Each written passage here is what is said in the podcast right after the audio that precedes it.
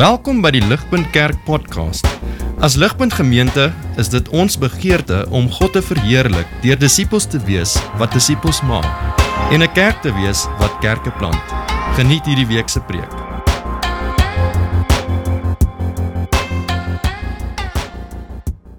Vriende, daai advertensie wat ons nou net na gekyk het is uh, van Coronation Fund Managers. Ek weet nie of julle enige van julle al daai advertensie tevore gesien. Hy's ek het hom al 'n paar keer eintlik nou onlangs gesien. Ek dink dit is 'n uitstekende, welvervaardigde uh, advertensie en dit is doelbewus baie snaaks, dis humoristies. As jy half kyk na die advertensie, maar die boodskap van daai advertensie is Hulle oor baie baie ernstig en ek hoop jy het die boodskap opgetel, okay? Uh die boodskap begin wat die aankondiging van die advertensie begin met die woorde welcome to your best life. En dan indien jy gewonder het, vertel hulle vir jou, hulle stel aan ons bekend, beskryf ons hoe die beste lewe lyk. Dit is 'n lewe waar ek en jy in die laaste seisoen van ons lewens, dit wat ons baie keer 'n aftrede noem, waar ek en jy die finansiële vermoë sal hê sodat ons die wêreld kan toer en elke liewe ding op ons bucket list sal kan aftik. En net indien jy nie die boodskap gekry het nie, eindig dit met presies dieselfde woorde. Die die omroeper daar of die storieverteller in die advertensie eindig met die woorde, het jy dit gehoor, hy het gesê, "Yes, this is your best life." This is living to its core. En dan kom die sales speech natuurlik, soos enige goeie advertensie, die sales speech dan en julle behoort dit op die skerm te sien, uh, net indien ons dit gemis het. Hoor wat sê hulle dan? Wat sê coronation vir ons? En so, invest in your best life sooner. Want good things come to those who don't wait to invest. En die ding is vriende, daai advertensie is 'n briljante advertensie. Dit is uit die bemarkers, dit wys net vir jou die diep insig en die vernuf waarmee hulle hierdie advertensie gemaak het. Want dit wat daardie storie kommunikeer, die narratief wat dit kommunikeer, is presies wat jou en my harte begeer en wat jou en my koppe vir ons sê die antwoord in hierdie lewe is om die goeie lewe te bekom. Uh elkeen van ons vriende, almal van ons smag nie net na 'n beter lewe nie. Ons smag na die beste lewe. Dit is die een ding wat elke persoon op aarde in gemeen het. Ons almal smag na die beste lewe en hoor mooi, ons almal weet intuïtiewelik weet ons dat geld speel 'n kritiese rol in die bekomming van daardie beste lewe. En hier is dalk die moontlike surprise wat ek wil hê ons vanoggend moet besef. Hoor asseblief tog mooi. Vriende, Jesus stem saam. Jesus stem saam. Jesus stem saam dat ek en jy is geskep om die beste lewe te bekom. Jesus stem saam dat ek en jy is geskep om die oorvloedige lewe te geniet. En hier is die groot verrassing. Jesus stem saam dat hoe ek en jy met ons geld omgaan, hoe ek en jy ons geld belê, speel 'n kritiese rol in die bekomming van daardie beste lewe. En dit is wat ek graag wil hê ons moet sien in vandag se gedeelte hier in Lukas hoofstuk 16. Soos ons genoem het, ons is besig met hierdie reeks wat ons getitel het Vrygewig waar ons saam werk deur gedeeltes in die evangelie van Lukas spesifiek gedeeltes waar Jesus met sy disippels praat, waar Jesus besig is om ons te leer en wat ons reg deur hierdie reeks sien is dat Jesus sê vir ons dat die Christenlewe is 'n vrygewige lewe. Want die Christenlewe is juis of die Christen is juis mense, Jesus se disippels is die wat besef dat hulle is die begunstigdes wat so ryklik ontvang het vanuit die hande van die vrygewige God. En in die laaste paar weke as jy hierso was, het ons baie spesifiek gesien uit die baie groot klem wat daar is dan op die rol van geld en aardse rykdom in hierdie begeerte van ons om vrygewig te wees en vandag se gedeelte gaan weer daaroor. En kyk, so jy mag dalk hier sit en in jou kop mag jy dink ag asseblief tog nie weer nie, nie weer oor geld nie. Okay, maar die realiteit is ons het nodig om hieroor te gesels want dit is wat Jesus oor en oor en oor en oor in die evangelie van Lukas na toe terugkom. In feite, ons kyk in hierdie reeks seker na net die helfte van die gedeeltes wat Jesus net in Lukas alleen met sy disippels praat en hulle beide wil aanspoor en hulle wil waarsku met betrekking tot hoe hulle met geld uh, omgaan. Uh, want Jesus hamer juis hierdie punt vriende want Jesus weet dat geld het 'n baie unieke bekoring op ons as die mense en ook dis ook op ons as Jesus se disippels. En het jy dit opgetel in ons gedeelte? Sit er net net sodat ons die konteks kan kry. Tel gou die blaadjie daarop en en sien dit raak saam met my. Lukas 16 vers 1 sê vir ons Jesus he also said to his disciples. Die also maak dit duidelik dat Jesus Dit wat Jesus nou gaan sê is in die hand van dit wat hy in Lukas 15 oor gepraat het. Lukas 15 vers 1 is dit duidelik dat Jesus is in 'n vertrek. As jy jou Bybel byderhand het, sê jy kan sien Jesus is in 'n vertrek saam met tollenaars, saam met sondaars, sy disippels, as ook die fariseërs. En dit is in daardie konteks en daardie vertrek wat Jesus nou in hierdie gedeelte oor met sy disippels praat oor hoe hulle met geld moet omgaan. En ek wonder, die teks sê dit nie, maar ek wonder of dit so klein bietjie ook is vir die tollenaars teen teenoor wat daar is. En vir hierdie ouens wat notorious is vir hoe hulle met geld omgegaan het. Ek wonder of dit deels is hoekom Jesus nou gaan gesels en fokus op geld. Maar kyk vir wie krap dit om. Dit krap, dit krap die godsdienstiges om. Het jy gesien in ons laaste vers of tweede laaste vers, Lukas 16 vers 14? Sê Lukas vir ons the Pharisees who were lovers of money heard all these things that Jesus said and they ridiculed him they ridiculed him. Hulle bespot hom. Hulle hulle hulle sê ag Jesus is belaglik. Daar gaan hy alweer aan oor geld. En vriende dit is my gebed vanoggend. My gebed is dat ek en jy nie sal wees soos hierdie fariseërs nie, maar dat ons Jesus se lering met betrekking tot geld ter harte sal neem, dat ons vir Jesus op sy woord sal vat en dat ons aan die lig van dit wat Jesus hierso sê ons lewens so sal inrig. En so dit is wat ons wil doen vanoggend. Ons wil as dit ware vir Jesus hoor, maak jou oë toe en sien vir Jesus vanoggend as ons finansiële adviseur. En wat ons in hierdie gedeelte het is in Lukas 16 vers 1 tot 9 sien ons hoe Jesus wat is daardie advies wat Jesus vir sy disippels gee en dan sien ons in vers 10 tot 15 hoe Jesus sy disippels in die lig daarvan aanspoor. En so eerste ding dan Jesus se advies. Kyk saam met my daar vers 1 tot 9 en Jesus begin hierso begin hy sy gedeelte met die vorm van 'n storie. 'n gelykenis. En so kom ek vertel vir ons sy storie. Jy kan dit daar volg, maar ek gaan hom so klein bietjie uh net in moderne taal vertel. So Jesus vertel vir ons dat daar was eendag hierdie ryk man gewees. En hierdie ryk man het 'n bestuurder gehad, 'n ou wat na sy eiendom namens hom omgesien het, maar dit het by hierdie ryk man toe uitgekom dat hierdie bestuurder is besig om sy bates te verkoos. En so die ryk man roep tot die bestuurder 'n bestuurder in sy kantoor in en hy gee vir hom 'n afdankingsbrief en hy sê vir hom luister jy jy's gefire. OK, jy het 'n maand om jou kantoor skoon te maak en jy het 'n maand om jou boeke in orde te kry en jou boeke vir my te bring.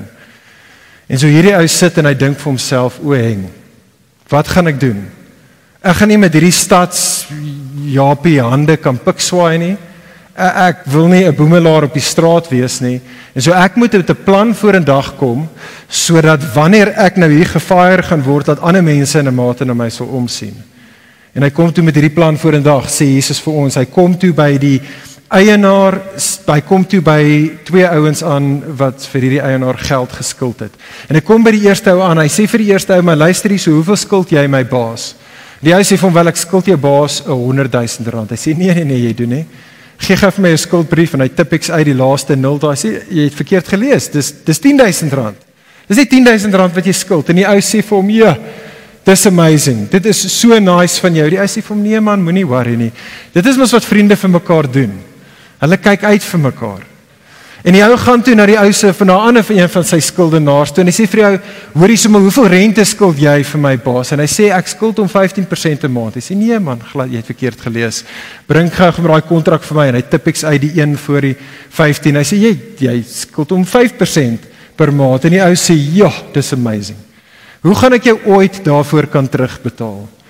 En die ou sê vir hom, "Wel, wie weet, dalk eendag as ek in die moeilikheid en weet dan mag ek dalk op jou deur kom klop. En so gaan die ou aan en na die maand kom roep die bestuurder hom terug in en hy kom by die bestuurder met sy met sy boeke en die bestuurder kyk so en hy kom dadelik agter my hier's 'n slang in die gras. En hy sê vir jou jou jakkels. Jou jakkels. Ek sien presies wat jy gedoen het. Jy weet dit, weet dit, jy's nog steeds gefire, maar 10 uit 10. 10 uit 10 vir jou slinkse plan wat jy beraam het om jou agtersteewe te dek. En dit is Jesus se storie. Dit is die storie wat Jesus vir ons vertel daar in hierdie gelykenis. En die vraag is wat is die les van dit wat Jesus hier let wel vir sy disippels wil leer? Wel Jesus verduidelik vir ons daar nê nee, in vers 8 tot 9 wat die les is hierso. Kyk saam met my soos Jesus dit vir ons sê. Lees dit saam met my. Jesus sê for the sons of this world met ander woorde ongelowiges for the sons of this world are more shrewd in dealing with their own generation than the sons of light i.e. gelowiges is. En dan hier kom Jesus se advies. Jesus praat met sy disippels. Hy praat nou met die sons of light. En dan sê Jesus i tell you make friends for yourself by means of unrighteous wealth wat bloot maar net beteken make friends for yourself by means of earthly wealth aardse rykdom so that when it fails they the sons of light may receive you into eternal dwellings. Die punt is vriende Jesus adviseer hier sy disippels let wel hoor mooi. Jesus adviseer hier sy disippels nie om soos hierdie oneerlike bestuurder om oneerlik te wees nie. Natuurlik is dit nie wat Jesus besig om vir ons te sê om. Hy sê nie vir ons wees oneerlik soos wat hierdie ou oneerlik was nie. Hier is die korrelasie. Jesus sê wees soos hierdie ou, wees soos hierdie bestuurder wat besef het dat sy tyd is besig om uit te hardloop. Wees soos hierdie ou wat besef dat hierdie bedeling waarin hy homself bevind gaan nie altyd daar wees nie. En so Jesus spoor sy disippels aan om dus met hulle aardse rykdom om te gaan dat hulle inderdaad besig is om vir hulle self seker te maak dat wanneer hulle eers in die volgende bedeling is, in 'n volgende realiteit is, dat hulle dan sal baat by die manier wat hulle nou in hierdie korte duur wat hulle nou het, nou slim omgegaan het, wys omgegaan het, shrewd omgegaan het.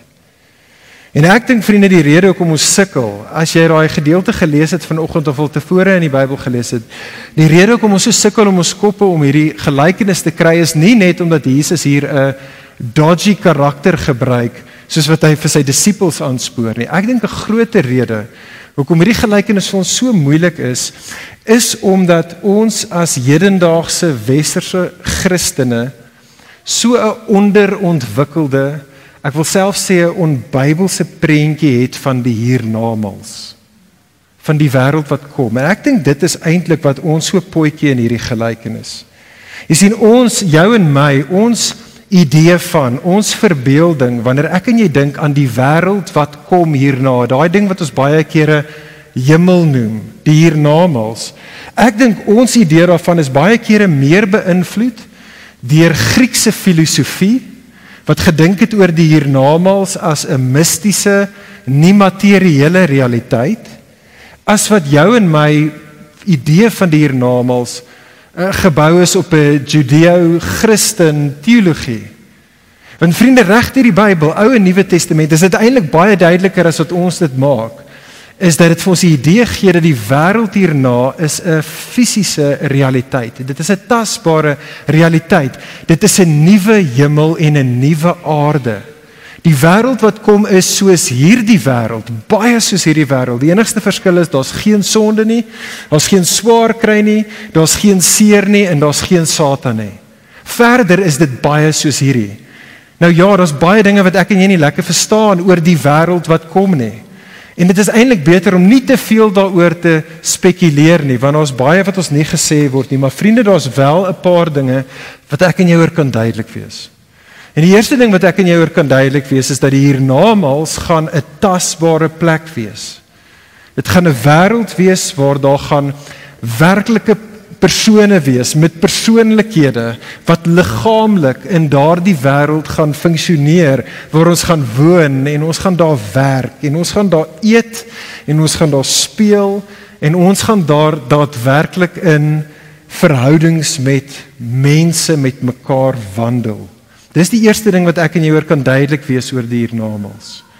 Tweedens kan ek en jy duidelik wees dat daar is 'n kontinuïteit tussen hierdie bedeling, hierdie wêreld en die bedeling wat kom, die wêreld hierna. Daar's 'n kontinuïteit en hoor mooi. Die kontinuïteit is nie net dat indien jy in Jesus glo, gaan jy daardie koninkryk wat kom beerwe nie. Dis meer as dit. Dit is dat indien jy in hierdie Jesus glo, met ander woorde jy is in jy wandel in geloofsgehoorsaamheid met hom, dan het dit 'n effek op Dit gaan op een of ander manier deurtrek hoe jy daardie koninkryk wat kom gaan beleef. En dit is wat ons nodig het om te onthou. Dit is ons wêreldbeeld wat ons moet hê soos wat ons Jesus se gelykenis hier hoor. Kom ek vertel dit want ek is seker is nog steeds so 'n bietjie abstrakt. Kom ek probeer dit verduidelik in die hand van 'n ander storie, 'n 'n 'n 'n ware storie. Ek wil julle 'n storie vertel van 'n ou met die naam van Stuart Glass. Party van julle het al dalk so van hom gehoor. Uh die storie van Stuart Glass. Stuart Glass was 'n ou wie ek ontmoet het in 2001. Ek um, het hier op Tikkies Finansies gestudeer oorspronklik en toe ek oor Engeland toe soos 'n klomp ander Suid-Afrikaners en ek het vir Stuart Glass ontmoet in my heel eerste onderhoud in Londen. En toe ek sit, dit was ehm um, vir 'n vir 'n baie beleggingsmaatskappy 'n interview. Hy was 'n headhunter geweest wat uh, gewerk het vir hierdie beleggings waar hy was uitgesoos vir die maatskappy. En die eerste vraag in die interview met Stuart Glass, die vra Stuart Glass vir my in hierdie onderhoud, die vra vir my, "Are you a Christian?" Dadelik het ek gesien in die manier wat hy gesprankel het dat hy is 'n Christen. Dit was duidelik hy's 'n passievolle disipel van Jesus. So toe jok ek vir hom. Okay, ek was nie 'n Christen nie. Ek was glad nie 'n Christen nie. Ek het gesê, "Ja, ja, ja, of course." Ek wou as 'n Suid-Afrikaner. Ek wou ek's Afrikaans. Of course is ek 'n Christen. En um anyway, ek het nie daai werk gekry nie. Okay? Ek het nie die werk gekry nie. Maar toe net daarna toe bel Stuart Klaas my. Hy sê vir my ek moet daar by hom kom werk. Hy het geen rede gehad om dit te doen nie. Hy het nie eens 'n ou nodig gehad om vir hom te kom werk. Hy sê ek moet vir hom kom werk. En van die begin af was hy besig om my te evangeliseer. Hy was van die begin af besig om my te vertel van Jesus. En toe het hy gegaan en hy het my genooi saam met hom te gaan na 'n Bybelstudie toe. En en en by daai Bybelstudie het ek toe tot bekering gekom. En ek kan onthou die aand toe ek en hy het my lifts gegee terug huis toe vanaf die middestad in Londen terug Wimbledon toe. En ek onthou die aand wat ek vir hom vertel het dat ek het tot bekering gekom en het die kar geparkeer net daar langs die pad en hy het vir my net daar gebid. En hy het vir my my eerste Engelse Bybel gekoop, so fancy duur studie Bybel. Het hy vir my toe gekoop. En dit is nie waar Stoor Glaas gestop het nie. Ek het toe nog steeds verruk by hom gewerk. Sorry, lang storie, maar hy, ons het tyd. En ehm um, en hy het vir my toe georganiseer uh, vir 'n vir 'n onderhoud uh by 'n uh, ander uh, maatskappy en hy het vir my toe 'n onderhoud gereël by 'n ander maatskappy by Alexander Forbes en hy het gesê okay ek het jou werk georganiseer uh, wel uh, onderhoud gereël. En toe gaan hy en hy koop vir my my eerste suit Want hy het gesien hierdie arme Suid-Afrikaner het met 'n draaimek aangekom in Londen. Hy koop toe vir my 'n hy koop toe vir my my eerste suit. Hy koop vir my skoene. Hy het vir my 'n das en 'n beld gekoop. Hy het geen rede gehad om enige van die goed te doen nie. Hy het my gecoach vir die interview en ek het die job gekry. En toe het ek die werk gehad en ek ons het gebly in 'n huis saam met 'n klomp Suid-Afrikaners. En hy het van sy ekstra ou meubels wat hy nie meer nodig gehad het nie, het hy vir ons gegee. Gesê hier is vir julle beddens en bedkassies en goed ek gebruik het, jy moet nie gebruik dit. En ek het daar gewerk vir die maatskappy en ek het na 'n paar jaar het ek my werk gelos om by 'n kerk te begin werk. En toe het Stoort Glas my finansiëel ondersteun. En so het hy aangegaan. Hy het sy eie kinders gehad. Hy het nie nodig gehad om enige van hierdie goeders te gedoen het nie. So 'n paar jaar gelede toe was ek weer in Londen. En toe ontmoet ek hom en dadelik toe sien ek maar iets is nie lekker nie. En toe ek hom ontmoet, toe kom ek agter, toe sê hy vir my en sy vrou dat hy het early stages of dementia, dis Alzheimer's. En uh, dit was die laaste keer wat ek hom gesien het.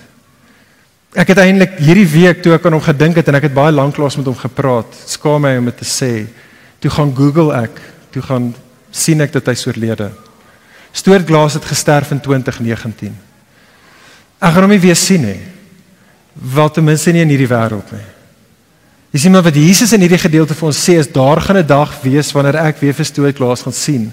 In 'n nuwe hemel en 'n nuwe aarde waar ons gaan tyd saam spandeer, waar ons storie op storie gaan deel en waar ek verstoot glas gaan vertel van alles wat gebeur het in die lig van sy koninkryks vrygewigheid. En ek kan imagine hoe in die nuwe hemel en aarde hoe stoort glas en 'n tou staan by Chicken Licken. Okay, want in die nuwe hemel en aarde is al Chicken Licken op elke straat. En en hoe hy in 'n gesprek gaan wees met 'n ander Suid-Afrikaner en daai ou gaan vir hom sê jy weet wat ek het al gehoor van jou stoort glas. Want my ouma was in ligpunt gewees en sy het my pa gedisipel en sy het my gedisipel. En so ek wil vir jou dankie sê, ek wil vir jou dankie sê vir jou koninkryks vrygewigheid. So hoekom kom braai jy nie by ons hier en dan gaan ons lekker stories uitdeel in die nuwe hemel en die nuwe aarde nie. En vriende, dit is in effek wat Jesus in hierdie gedeelte vir ons sê.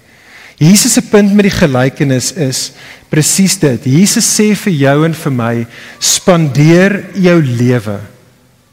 Spandeer jou lewe en spesifiek jou aardse rykdom in die hier en nou op so 'n manier dat jy in die hiernamaals die vrugte sal pluk, pluk daarvan. Dat jy in hiernamaals in soete gemeenskap met God se mense vir alle ewigheid die vrugte sal pluk en die vreugde sal ervaar omdat jy besig was om op die regte manier jou lewe te belê vir dit wat regtig gaan tel vir alle ewigheid, 'n lewe saam met God se mense. Dit is wat Jesus hierso sê in die taal van daai advertensie in Coronation Fund. Jesus sê vir jou en vir my invest in your best life sooner. Doen dit nou sê Jesus. Good things come to those who don't wait to invest. Invest in your best life sooner. Maar vriende, ek weet nie van julle nie, hier's die uitdaging wanneer dit kom by beleggings. Ek weet hoe dit is met my met beleggings. Natuurlik weet ek dat as ek selfs in hierdie lewe sou belê, vir hierdie lewe sal dit sal ek baie daarby. Die rede hoekom ek dit nie doen nie is want ek soos almal van ons is altyd meer geneig om te fokus op die urgent as die important. Ek weet nie of julle so is nie, maar ek is so en ek dink ons as mense is so. Selfs wanneer Jesus vir ons sê invest in your best life wat op pad is sooner. Die probleem is dat die urgent trump ons important. Daar's net soveel begeertes in hierdie lewe. Soveel dinge wat ek en jy na smag die huis of die vakansie of die nuutste toys of daai fancy kar. Daar's net soveel van daai begeertes wat ek en jy na smag. En daar's ook soveel behoeftes wat ons het. Soos ons vanoggend gehoor het, nê, nee, net in hierdie crazy wêreld van resessie met rentekoerse wat styg en die rand wat plummet en die petrolprys wat styg. Daar's soveel dinge wat vir jou en vir my sê, ek kan nie belê nie. Daar's nie daar's nie nou geld om te belê nie. En ek dink daai is jou en my gevaar. Vriende, die realiteit is Jesus weet dit. Jesus verstaan dit.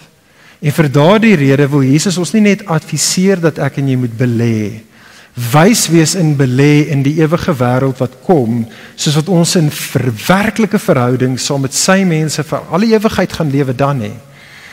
Maar Jesus wil ons aanspoor tot dit toe en dit is die tweede punt wat ek wil hê ons moet sien.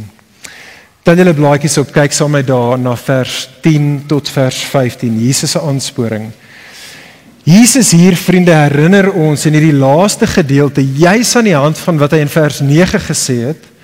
Wil Jesus ons nou herinner, soos ons wil aanspoor, wil Jesus ons herinner aan twee fundamentele koninkryks beginsels, twee koninkryks beleggings beginsels. En die eerste een het ons daar in vers 10 tot 12, kyk saam met my. Jesus sê vir jou en vir my, onthou die volgende. Onthou dat jy is nie die baas nie, so wees getrou. Onthou altyd sê Jesus vir ons, jy is nie die baas nie, so wees getrou. So Jesus het nou hierdie beeld van wat hy nou net gesê het in sy gelykenis, het hy die beeld van hierdie bestuurder voor oë. En hy het jy gesien in die gelykenis, as jy kyk na die teks, die woord manager of manage, ek dink dit is so 7 keer of meer as dit in daai gedeelte kom dit voor en daai woordjie letterlik beteken die volgende. En jy mis dit in die Engels of selfs in die Afrikaans. Die woord manager beteken iemand wat aangestel is in 'n ander oor 'n ander ou se huis. Dis letterlik die woord um oor 'n ander ou se huis of 'n ander ou se estate. Uh en dit is wat daai woordjie daar beteken. En vriende, dit is ek en jy natuurlik. En ons het dit al vroeër in hierdie reeks gesê. Genesis 1:26 tot 28 sê dit is die mens. Die mens is geskep en die mens is aangestel oor God se huis om as dit ware God se huis aarde te bestuur namens hom. Dit is uh, dit is ek en jy en dit is wat Jesus wil hê ek en jy moet verstaan. En ons het hierdie punt al tevore gemaak, maar hoor dit weer vriende. Die fundamentele rede hoekom ons almal en en ek verseker meer as ons almal, die rede hoekom ons sukkel om so met ons aardse rykdom vrygewig te wees, is so die fundamentele rede is omdat ons vergeet dat dit wat ek en jy het is nooit werklik ons nie. Dit behoort nie in die eerste plek aan ons nie. Ons is slegs batebestuurders en ons is nooit oor enigiets in ons areas meer as net batebestuurders nie. En hier's die ding van batebestuurders. Die belangrikste kenmerk van 'n batebestuurder is dat hy moet getrou wees. Hy moet getrou wees soos wat hy iemand anderste se bates bestuur. En Jesus sê vir ons daar's 'n verwantskap tussen getrouheid en vergoeding. Daar's 'n verwantskap tussen die twee.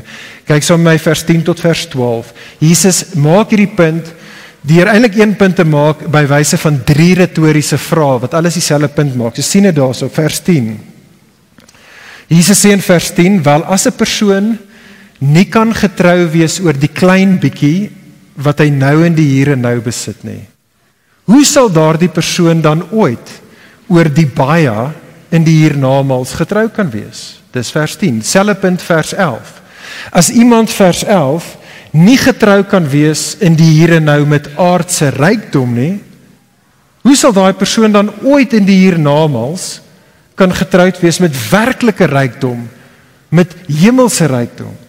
En dan maak Jesus dieselfde punt die derde keer vers 12.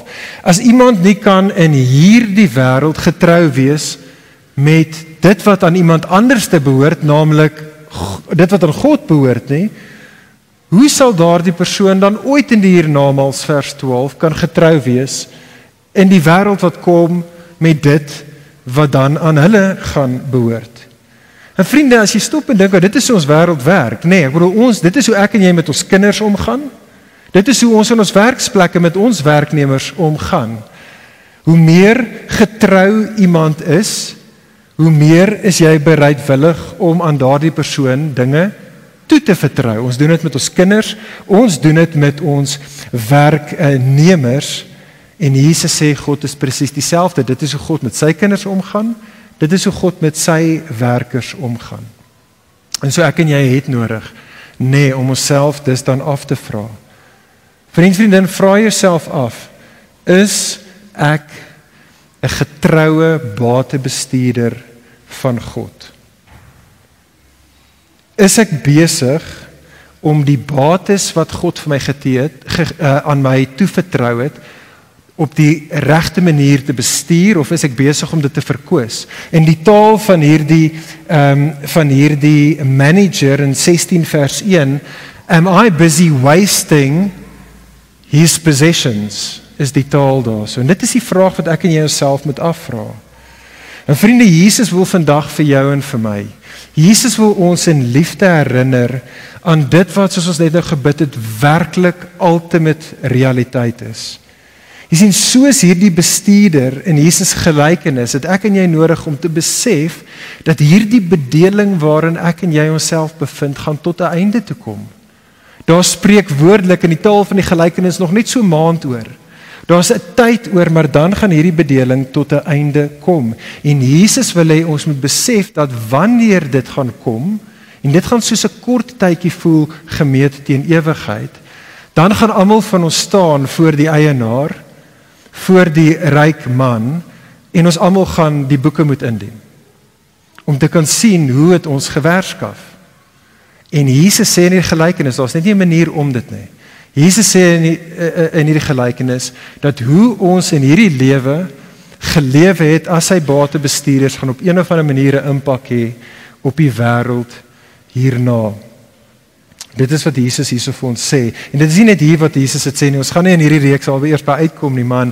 In Lukas 19 in die bekende gelykenis van uh the minas, the parable of the 10 minas of die 10 muntstukke, is dit Jesus se punchline in daai gelykenis.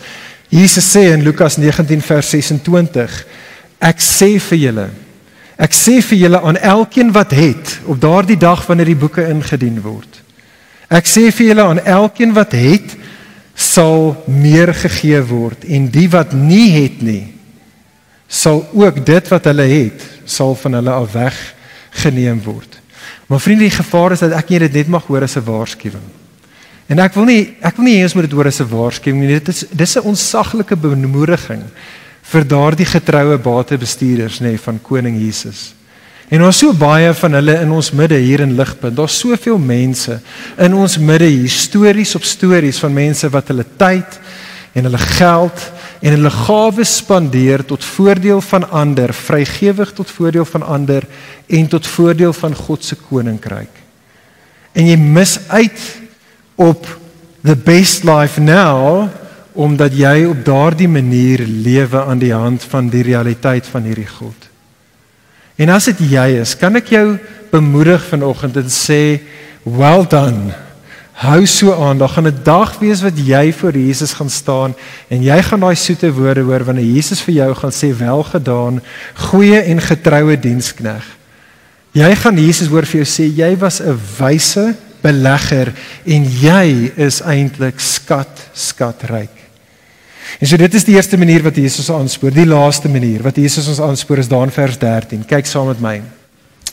So vers 10 tot 12 het Jesus nie net gesê onthou jy's nie die baas nie, so wees getrou, maar vers 13 sê Jesus vir ons onthou jy kan net een baas dien. So kies in wie jy gaan vertrou. En dit is wat Jesus daar in vers 13 sê. Daai woord daar in vers 13 Die woordjie servant is weer in die oorspronklike taal het dit weer te doen met 'n huis. Die woordjie daar is letterlik 'n huisslaaf, een wat 'n slaaf is in 'n huis. En ek dink dis eintlik 'n meer behulpsame woord want dan ewe skielik maak Jesus se stelling wat so absolute terme klink maak dan baie meer sin. Jy sien 'n huisslaaf in daai konteks was iemand wat behoort het aan 'n baie spesifieke persoon wat onder daardie persoon se dak gewoon het om daardie persoon te dien. Dit is wat 'n huisslaaf was. En vir daardie rede sê Jesus dit daar, hy kyk aan einde vers 13, you cannot serve God and money. Jesus sê nie you may not nie. Jesus sê you cannot. Dit is soos fisies onmoontlik. Dis onmoontlik vir daai slaaf om op dieselfde tyd aan twee baase te behoort en in, onder albei se dakke op dieselfde tyd te woon en te wandel. Jesus sê jy, jy kan dit net nie doen nie. Kyk ook na daai woordjie money, ten minste in die Engels. Dit is letterlik die woordjie mammon in die Grieks. Die Afrikaans vertaal dit actually so, maar dit is die woord mammon en daai woord ja in Jesus se tyd het later bekend geword as maar net 'n manier om van geld te praat. Maar die woord mammon praat spesifiek van geld soos wat dit die mense geneigtheid geneigtheid is om in geld te vertrou. Dit is wanneer die woord mammon gebruik word. Oorspronklik is daai woord mammon 'n woord in semitiese tale wat verwys na 'n 'n god van geld wat deur van die heidense ehm um, nasies aanbid was. Hierdie god van geld en daai woord mammon in sy arameese agtergrond kom van die stamwoord af waar ons die woord amen vandaan kry.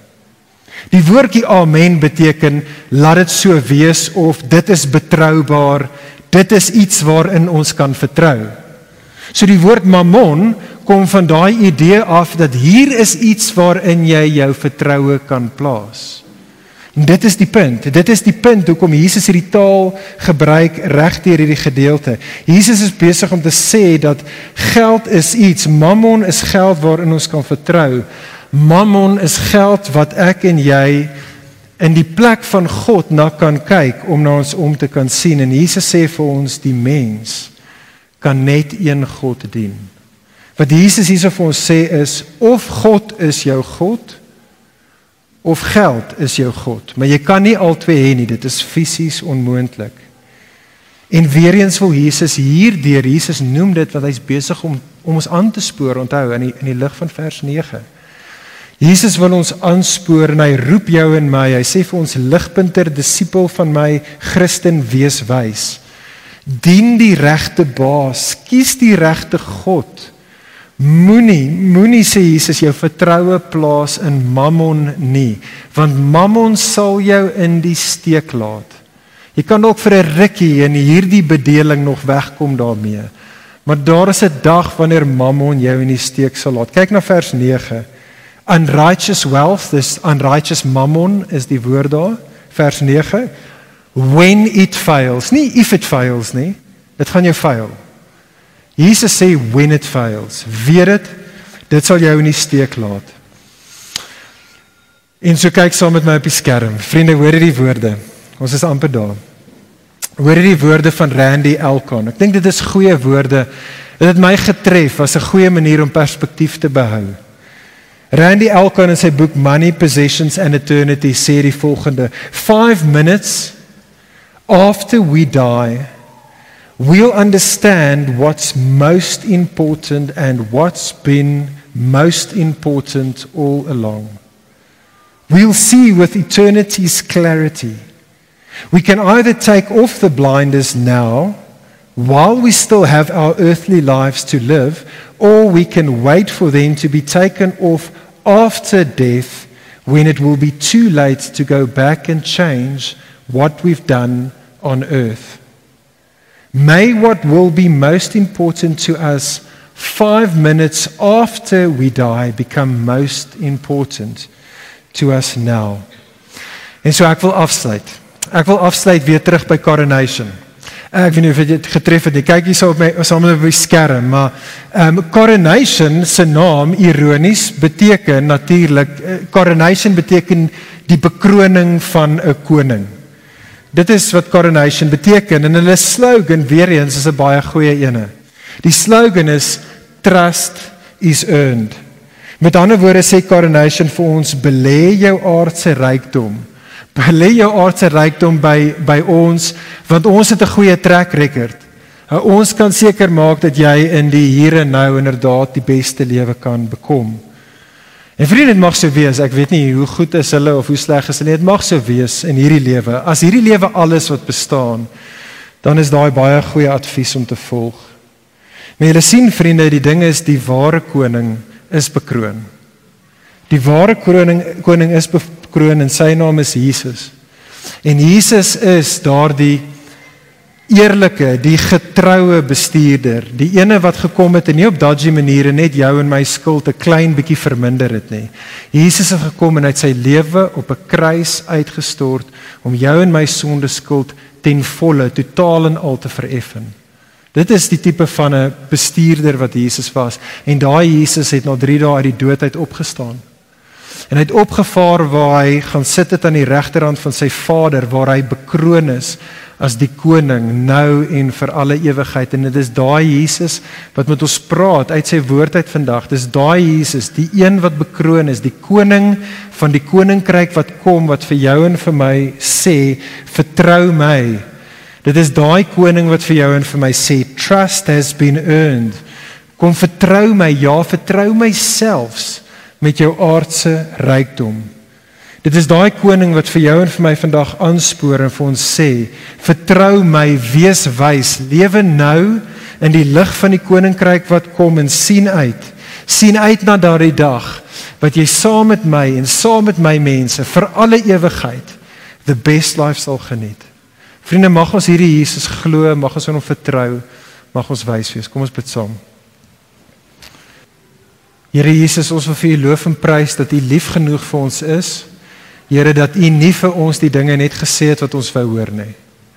Here, U het vir ons mense wat eintlik maar baie soos daai fariseërs was. Here wat as ons met eerlik wees lovers of money op die beste van tye is. Here het U gekom en U het ons kom waarsku, maar meer as dat U ons kom waarsku het, Here het U ons harte kom oorwen. Sodat ons nie meer lovers of money sal wees nie, maar lovers of God sal wees. Dankie Jesus dat U op die kruis ons sonde skuld vereffen het. Here, dankie dat ons se mense is wat nou so ryk is want aan ons behoort die koninkryk van God vir alle ewigheid, 'n nuwe hemel, 'n nuwe aarde, 'n fisiese realiteit. Wonderlik. Here, ons sien uit daarna. En Here, so ek bid vir elkeen van ons hier, Here, dat U deur die Gees ons sal help om hierdie Jesus op sy woord te vat en ons lewens in te rig in die lig van wat hy sê werklik ultimate reality is. Here, maak ons wyse mense, nie dwaase mense nie. Jesus, ons loof en ons prys U en ons sien uit om by U en saam met die mense te wees. Here, maak ons getrou tot daardie dag wat ons by U is. Ons bid dit in U goeie naam. Amen. Vir meer inligting oor Ligpunt Kerk, besoek gerus ons webwerf op www.ligpunt.com of kontak ons gerus by info@ligpunt.com